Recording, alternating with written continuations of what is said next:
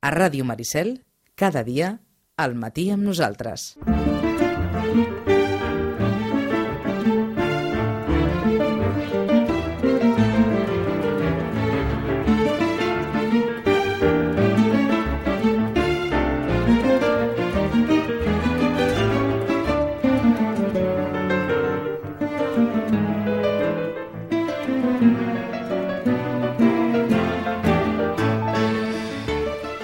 El temps pels lliures, no ho sabrem i ens plantarem a Sant Jordi en, en quatre dies. Estem ja a 14 de març, per tant, un mes, un mes llarg perquè arribi aquest Sant Jordi del 2012. I com no, mm, les posicions de cara a les eh, edicions més venudes pel dia de Sant Jordi, bàsicament ens les va insinuar la Rosana que probablement hi haurà alguns llibres que per aquest Sant Jordi seran llibres d'aquells que, que sortiran eh, ràpidament, o jo confesso de, de Jaume Cabré, o El presoner del cel de Carlos Ruiz Zafón, o pel que intuïm està prenent moltes posicions al Quan érem feliços, de Rafael Nadal, i en categoria d'assaig, amb, amb no ficció, està clar que el tercer volum de memòries del president Pujol també està acaparant eh, posicions. A l'altre costat del fiu telefònic saludem a la Rosana Lluc. Rosana, bon dia, bona hora. Hola, molt bon dia.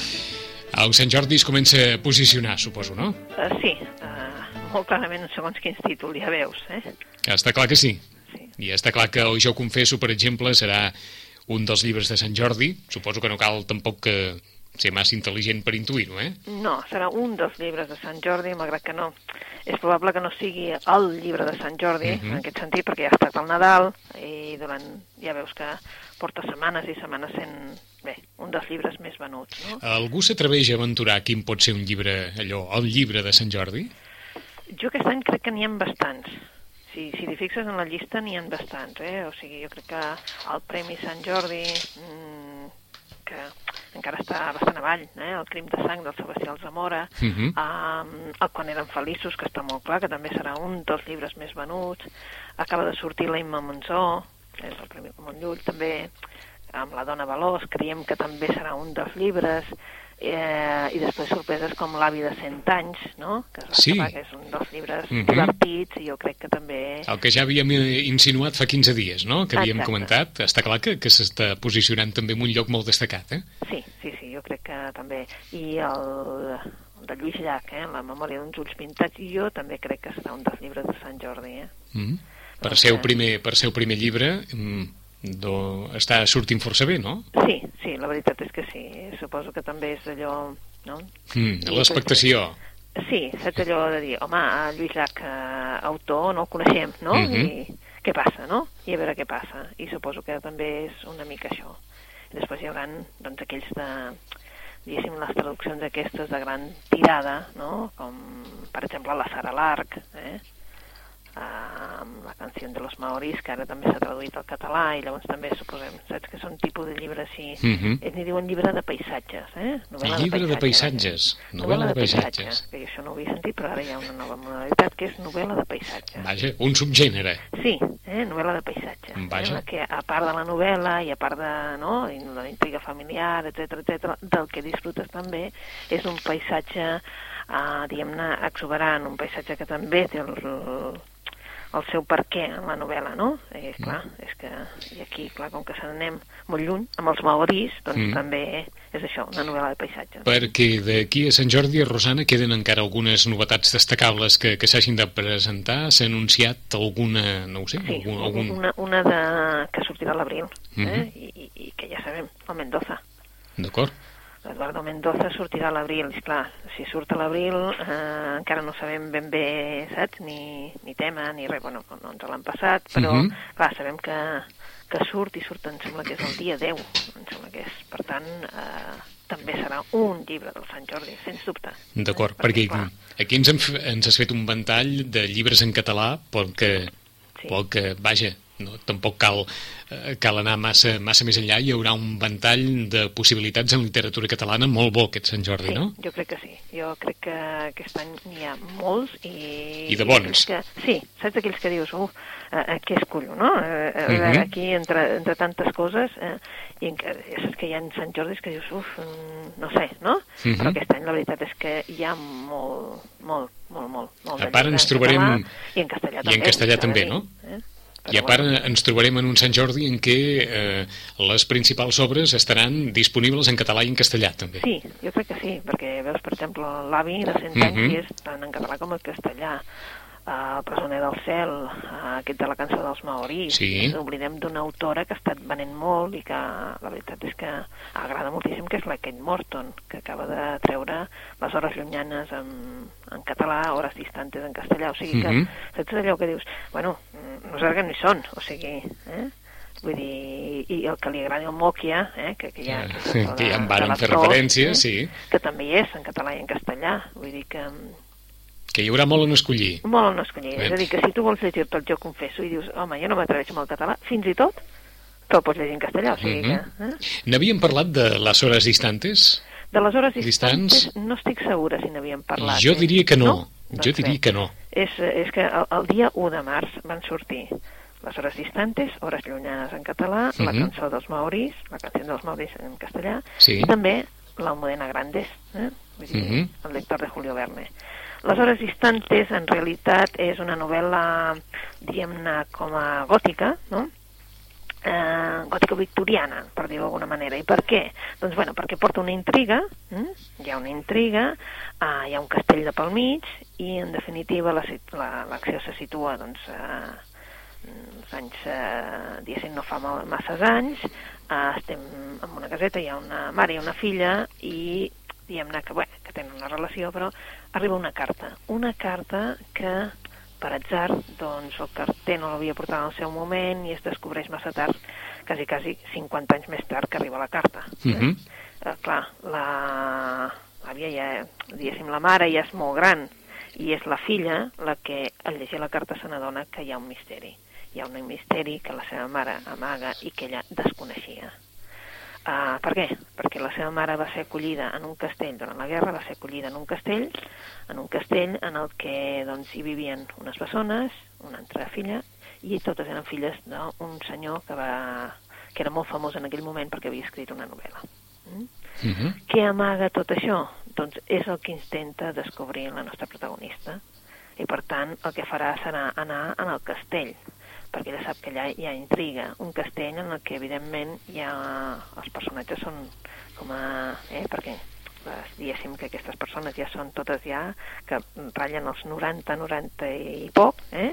per tant són àvies però àvies eh, amb una personalitat molt forta i ell el que pretén doncs darrere d'aquests murs d'aquest castell, darrere de totes aquestes portes tancades, d'aquests passadissos ella sap qui vol trobar el secret de la seva mare. Mhm. O sigui, hores distantes és un enigma no? uh, que ella vol descobrir. Llibre de Kate Morton en català i en castellà. Exacte. I ens comentaves fa un moment el lector de Julio Verne, que em sembla que no l'havíem arribat a l'havíem comentar, dit, dir, del Modena Grandes. Uh, no, perquè va sortir el dia 1 i era molt Mhm. precipitat. Uh, bé, la Modena ha tret un altre llibre, un altre gran llibre, eh? Per mi, eh, jo me l'he cruspit amb no res, o sigui que és un llibre d'aquells que aquesta vegada, ja sabeu que és el segon dels sis que ha de publicar, que són els de, que va començar amb Inés i l'Alegria. Mhm. Llavors l'editorial ha aprofitat per posar Inés i l'Alegria en format de butxaca, per aquell que no l'hagi llegit, i treu la novetat de El lector de Julio Verne, que és el segon llibre. En aquest cas ens n'anem als anys de terror, que s'anem, als anys del 47 al 49. Se n'anem a Jaén, i a la província de Jaén, doncs, i que tot se situa en una caserna de la Guàrdia Civil. Allà en aquesta caserna de la Guàrdia Civil hi trobem una família, que serà la protagonista, diguem-ne, d'alguna manera, i un nen. Aquesta família té un nen petit, és el, el germà segon, és a dir, hi ha una, una germana més gran, la Dulce, hi ha eh, ell i després hi ha una nena més petita, que és la Pepa. Aquest nen, en realitat, és un nen que és massa baixet per la seva, per la seva edat, eh? Pensem que el nen té 9 anys, és el nen mm, que el seu pare ja veu que no podrà ser guàrdia civil, sobretot per la talla i que no donarà la talla, Sí. i cada any pel seu aniversari el va, el, el va agafant a veure quina mida té, i és el Nino. El Nino és el gran protagonista d'aquesta novel·la, i serà aquest lector de Julio Verne. En definitiva, és una novel·la en la que se'ns explica les trifulques entre la Guàrdia Civil i, evidentment, tots aquells que es van tirar, se tiraven al monte, diguéssim, en el sentit de que escapaven de la Guàrdia Civil perquè eren els que estaven en contra, de, evidentment, de, de Franco. Mhm. I aquests que anaven marxant, el problema és que, esclar, és un poble petit, tots són veïns, tots són coneguts, i, evidentment, quan hi ha un assalt, eh, eh, evidentment se la carreguen la gent del poble, i per què se la carreguen? Doncs clar, la Guàrdia Civil és repressora. I aquí veiem el gran dilema del Nino quan se n'entera, el gran dilema de veure si el seu pare és o no una persona dolenta, se n'anirà enterant del, de, de tota l'entramada de, de, de la Guàrdia Civil, Sí. què està fent, quin és el paper de la Guàrdia Civil, i sobretot anarà descobrint un pare que ell pensava que d'una manera és d'una altra, però en definitiva resulta que veurà que el seu pare és una altra persona, que no ha de tenir por, i és com creix aquest nen en només 3 anys, eh? i quin paper fonamental té en tota la història de, de revolta d'aquell poble. D'acord. D'Almudena Grandes, i recordem que és el segon d'aquesta, eh, anava a dir, eh, eh, exalogia, no, no sabem allò, no, amb, amb sis llibres, Almudena Grandes fa aquest fresc posterior a la Guerra Civil, i aquest, eh, en aquest cas, Sí, i veurem que un, de, o sigui, un personatge, uh. -huh. los que se tiran al monte, realment, el trobem, l'hem trobat, eh, l'hem trobat en el llibre d'Inés i l'Alegria. Mm? d'acord. Però és una referència mínima, eh? és a dir, tota l'acció se situa aquí, Uh -huh. tota l'acció se situa Però és a dir, trobaran aquest punt de contacte entre Exacte, les hores la distantes. Primera. Però, diguéssim, si tu llegissis la novel·la, en definitiva la podries llegir sense res, eh? Mhm. sense pensar que ve d'una altra novel·la, perquè eh, només hi ha un punt en que En- fa referència a allò, perquè mm, porta una adreça de Toulouse. D'acord. I llavors veus, clar... D'acord. Eh? És a dir, que la, eh, eh? hi ha un punt de connexió entre el lector de Julio Verne i Inés de l'Alegria en un moment, però és un punt de connexió d'aquells que, que eh, d'alguna manera no condiciona el desenvolupament de la història perquè es pot llegir el llibre sense cap mena de referència al llibre anterior sense problema. D'acord, eh? d'acord. Doncs el lector de Julio Verne i qui vulgui ja doncs, aprofitar i agafar Inés de l'Alegria d'Almudena Grandes, doncs tenen ja aquests primers dos llibres d'aquesta magna obra que n'ha d'aconseguir crear-ne sis a l'entorn d'aquest fresc de l'Espanya posterior a la Guerra Civil. No hi ha, suposo, calendari per això, no, Rosana? No, ella No. diu que no trigarà tant, potser màxim, màxim tornarà a trigar un any i poc. Eh? En definitiva, ella l'esquema ja el tenia fet i deia que quan va publicar la primera ja va dir que la primera i la segona estaven ja, però clar, li faltava la tercera. Jo crec que ja ha Déu-n'hi-do. tingut temps de, de fer-la i és això, que quan la llegeixes dius i ara què? I ara què? Perquè quedes amb aquell d'això i sobretot aquesta potser el que té malgrat que són anys durs, eh? perquè hi ha la repressió, la repressió de la Guàrdia Civil són anys durs, de tota manera aquesta, com que tens aquest nen, eh? el Nino, que és el que va fent el procés de fer-se gran i de tenir altres possibilitats, dins perquè el seu pare li vol donar altres possibilitats, eh? perquè la seva màxima és que ell ja, des de bon començament, li surt de l'ànima de dir no, no, és que jo de gran no vull ser guàrdia civil. Ah, això és una afrenta, dir-ho D'acord. així en veu alta, sobretot per la, saps, per tot l'estatus de la Guàrdia Civil de dir, eh. O sigui, home, no- l'aspiració hauria de ser ser Guàrdia Civil, i ell no la té, eh? O sigui que no es tracta tant que el pare pensi que no dona la talla per Guàrdia Civil, sinó que ell mateix ja Ell no hi veu no, no la vol donar, eh? cap mena de, cap no. mena de vocació El en... que passa eh, que és una cosa, o sigui, ell Sí, sí, pensa clar. que, que li vol donar una alternativa perquè veu que no, ja no serà, no serà tan alt, etc. Uh, I ell no, és que ell té altres mires i a més a més, vull dir, és preciós veure com les lectures que comença i com els passejos en el riu, etc en Pepe, eh, que és un altre que ja veurem quin paper té a la novel·la, etc etc. doncs veus que ell va creixent com a persona i va creixent també físicament. Uh -huh. El llibre es titula El lector de Julio Verne, d'Almudena Grandes, i un apunt només així ràpid sobre la cançó dels Maurís, Susana, eh, Rosana? Sí, la cançó dels Maoris, continuem amb, la, amb aquelles, les cosines, la Lane i la Cura, Sí. eh, que, bueno, que tenen aquelles arrels angleses, eh, però clar, que estan a Nova Zelanda i són temps allò que, bueno, que viuran per una banda eh, allò, que com que han sortit d'Anglaterra, etc són, han deixat una cosa que era molt diguem-ne, molt estable i tal, i se'n van a un país on, de, on hi ha molts misteris desconeguts, eh, un poble que desconeixen, que és els maoris, eh? I és una història d'aquelles, bueno, d'aquelles fantàstiques en el sentit de que és com una saga, no? Eh, és un viatge cap a emocions, paisatges diferents, eh, intrigues familiars, eh, contactes amb el poble maori, eh, diferents versions, clar, aquesta visió de, de diferència de cultures, vaja, la Sara Lark eh, ens vol portar cap a un altre univers i, de fet, em sembla que ja han escrit com a cinc de novel·les d'aquestes i, en definitiva, aquesta promet, però moltíssim. Mm -hmm. Doncs hem encetat el programa repassant, refrescant la memòria de, de la llista. Recordin, per una banda, Eduardo Mendoza, 10 d'abril, nou llibre, Les hores distantes de Kate Morton, El lector de Julio Verne de Almudena Grandes i La cançó dels Moris de Sara Lark. I ara, les recomanacions de la Rosana. Vinga.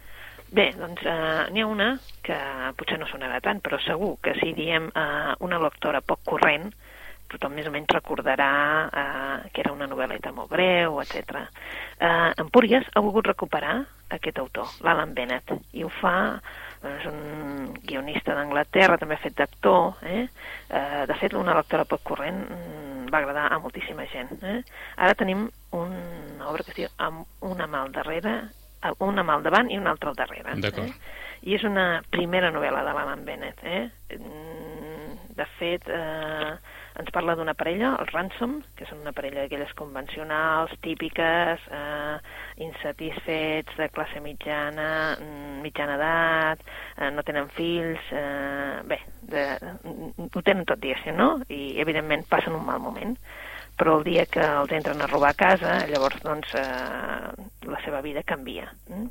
a poc a poc eh, veiem que comencen a descobrir petits detalls i petits plaers que de fet trasbalsaran aquella placidesa en el que, saps, el típic matrimoni anglès que sembla que ni es mogui, no se'ls mogui ni un pèl. Eh? La Rosemary eh, descobreix els avantatges de comprar en una botiga de barri eh? i en Maurice somia amb un nou equip de música per escoltar el Mozart. Eh? eh, quan ja sembla que totes les coses tornen una miqueta al seu lloc, no? hi ha una carta que alterarà les seves vides. No?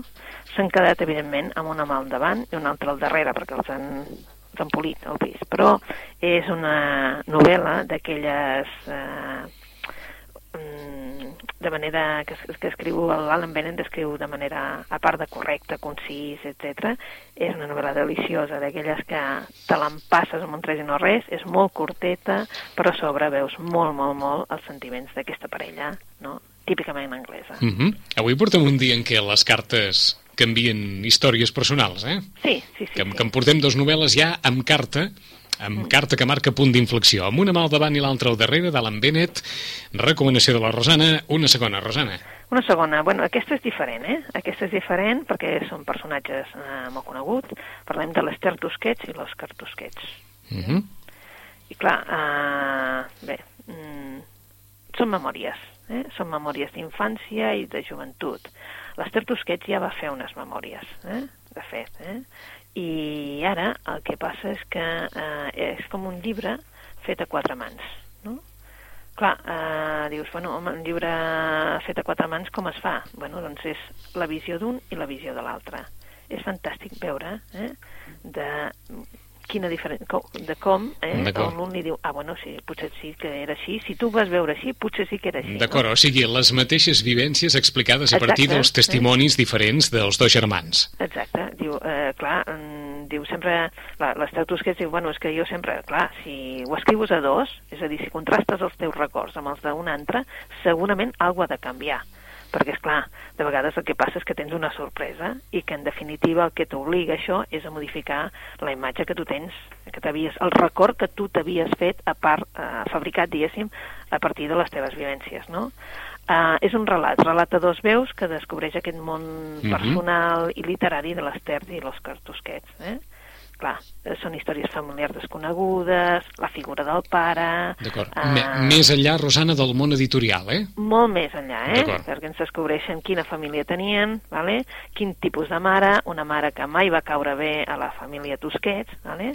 Mai els hi va caure bé, perquè era una senyora molt diferent, una senyora que no li agradava la cuina, no li agradava ni, la, ni brodar, ni tot això, Mhm. imagina't l'època, li havia d'haver agradat, mm, bueno, eh, quin període van viure, eh, l'època de la transició, com la van viure ells, ja sabem que són gent de, eh, que Sí. va viure molt la, la transició, Sí. són aquests records d'infantesa i adolescència, de relació entre dos germans, i la, com la memòria, no?, fa que, bé, que la d'un i de l'altre, de vegades, dius, home, eh, fan, fabriquen un record nou, eh? és un testimoni, és un testimoni sobre una època, per això, a part de, de que diguis, bueno, a mi m'interessen perquè ella era editora i ell també, però després ho va deixar, etc etc. doncs és un testimoni sobre una època i un tipus de família de Barcelona. Relat a dues veus es titula, Rosana? Es, es diu Tiempos que fueron o... D'acord. Eh? Tiempos que fueron o no. en català, eh? Recordem que són de l'època que ells es parlaven en castellà. D'acord. Per això us ho he dit en castellà. Ah, eh? entesos. Tiempos que fueron o no de Esther i Òscar Tusquets. Tenim temps per una recomanació més perquè no volem acabar el programa sense que ens puguis anomenar un llibre o dos de la Teresa Pàmies, així que et vingui a la, a la Doncs memòria. mira, ah, Però una recomanació més. Una Vinga. recomanació més i després la Pàmies? Ah, exactament. Bé, una recomanació més. Els que segueixen aquesta novel·la policiaca, etc etc, eh, se n'anem una altra vegada cap al cercle polar i per una autora que tothom va haver de dir constantment no, no, no, no té res a veure amb l'Stig Larsson, ella és l'Assa Larsson. Eh? Sí, Ens treu ara el quart crim del cercle polar i es diu Fins que passi la teva fúria. Mm? Fins que passi la teva fúria és allò, una novel·la negra, potent i, bueno, eh, ens comença quan, a la primavera, quan desglaça, hi ha el cos d'una noia que apareix a la superfície d'un riu. Això ha aparegut en moltes novel·les i per tant no tendria massa, però hi ha com un... el fiscal, la, la fiscal, la Rebecca Martinson, eh, això només seria un malson podria haver-hi alguna connexió entre la noia morta i aquells fantasmes que ella té ara sobre en els seus somnis. Uh, ja tenim la, la inspectora, l'Anna Maria Mela, que, que l'ajuda, i per tant la Martinson el que s'adinsa és en una Suècia, en una Suècia en el que hi ha la, els nazis, els col·laboracionistes, eh, i tot això encara és una ferida oberta a la Suècia actual. uh -huh. Hi ha una desaparició, una desaparició d'un avió que portava subministraments eh, l'any 43 i eh, la Martinson i, i la Mela el que no saben eh, què hi fa o què s'amaga un assassí allà en aquest llac glaçat. Um, és un assassí que farà el que sigui per mantenir aquest passat sepultat i sobretot que estigui sota la neu. D'acord. Fins que passi la teva fúria, la darrera novel·la policíaca de Lassa Larson, com ens deia la Rosana, res a veure amb Estic Larson, eh? Res a veure. Lassa Larson. I de Teresa Pàmies, qui es vulgui acostar al món de l'escriptora avui traspassada, per on pot començar? Home, eh, clar, el seu, el, seu, el seu llibre capital segurament tots estaríem d'acord que era Testament a Praga. Mhm. no? Eh, Potser era aquest. El que passa que de la seva època de lluita i tal, potser era quan érem capitans, no?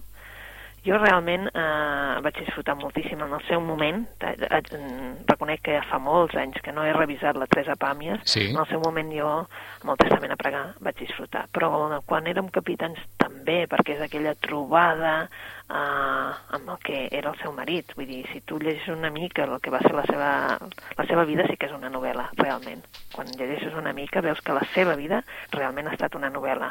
Una novel·la en, en, que, en el sentit de que, bueno, sempre es trobaven en llocs en el que, no?, en llocs Mhm. que mm, inversemblants, anaven d'aquí cap allà, no hi havia manera de tenir un domicili fixe, etc etc. I el que sí, la darrera que jo vaig llegir, jo reconec que la darrera que vaig llegir era aquest informe al difunt, Sí. que em sembla que era l'última. Uh -huh. Que la, que, aquella- la que fa referència al seu marit, precisament. Exacte, Eh? fa referència al seu marit, però ja, una vegada el seu marit ja estava mort, Ahà. no? i clar, quan el López Raimundo ja va morir, doncs ella, doncs és una mica com ha quedat tot, i com veu ella tot, no? una vegada que ell ja ha traspassat, no? Mm, I és aquest informe que vol fer de com està la societat en aquest moment i com està també també ella personalment i la seva família, no? D'acord, si t'hagués de preguntar per la més emocional, Quina agafaries? Dona de pres, potser. Dona de pres. Sí. Va Mhm. per mi, eh? Vull dir, D'acord, d'acord. Però també, ja et dic, és... un- Mhm. eh, eh, estic parlant també des del record, eh? Sí, sí, està des clar. del record, perquè l'informe del difunt sí que, que va ser la darrera, última i tant, i també la veritat és que també ho veus, no? Però, clar, aquella és més punyent, no? Mhm. Potser... Doncs eh? per, per, anar, Eh? eh, per, per anar al tret segur, Testament a Praga o quan érem capitans, hi ha edició, és a dir, si es demana a la llibreria és relativament fàcil de trobar? Jo crec que ara sí. Ara sí. dir, ara sí, clar. Ah, eh, no hi ha res com morir-se. Ai, mare de Déu. Sí, ara, ara ho serà, la veritat és que Eh, suposo que ara estaran... Ara mateix jo crec que estan fent tots una, un esforç per dir a veure què tenim en el, en el magatzem i, Mhm. i tirar-ho endavant. Ja saps que aquestes coses passen així. El dona de pres no ho tinc tan clar, però... Però el Testament a Praga sí, i quan eh? érem capitans, Les darreres sí. sí, perquè ella també va fer una altra uh, d'aquelles de l'aventura d'envellir Mhm. que aquesta segur que es troba, etc. no? Però bé, vaja, mm, d'aquí a finals de setmana segur que estan, està eh? clar que com a sí. mínim una selecció sí, perquè és el que hem fet nosaltres, és demanar-ho per veure si podia arribar aquest cap de setmana. 11 i 47 minuts, en 15 dies hi tornarem. Eh, La Rosana ens ha deixat amb una mà al davant i l'altra al darrere d'Alan Bennett, amb aquest eh, Tiempos que fueron o no, Esther i Òscar Tusquets, i amb el Fins que passi la teva fúria de Lasse Larsson. Rosana, fins aquí 15 dies, gràcies. Fins aquí 15 dies. Moltes gràcies a vosaltres. Adéu-siau, bon dia. Ràdio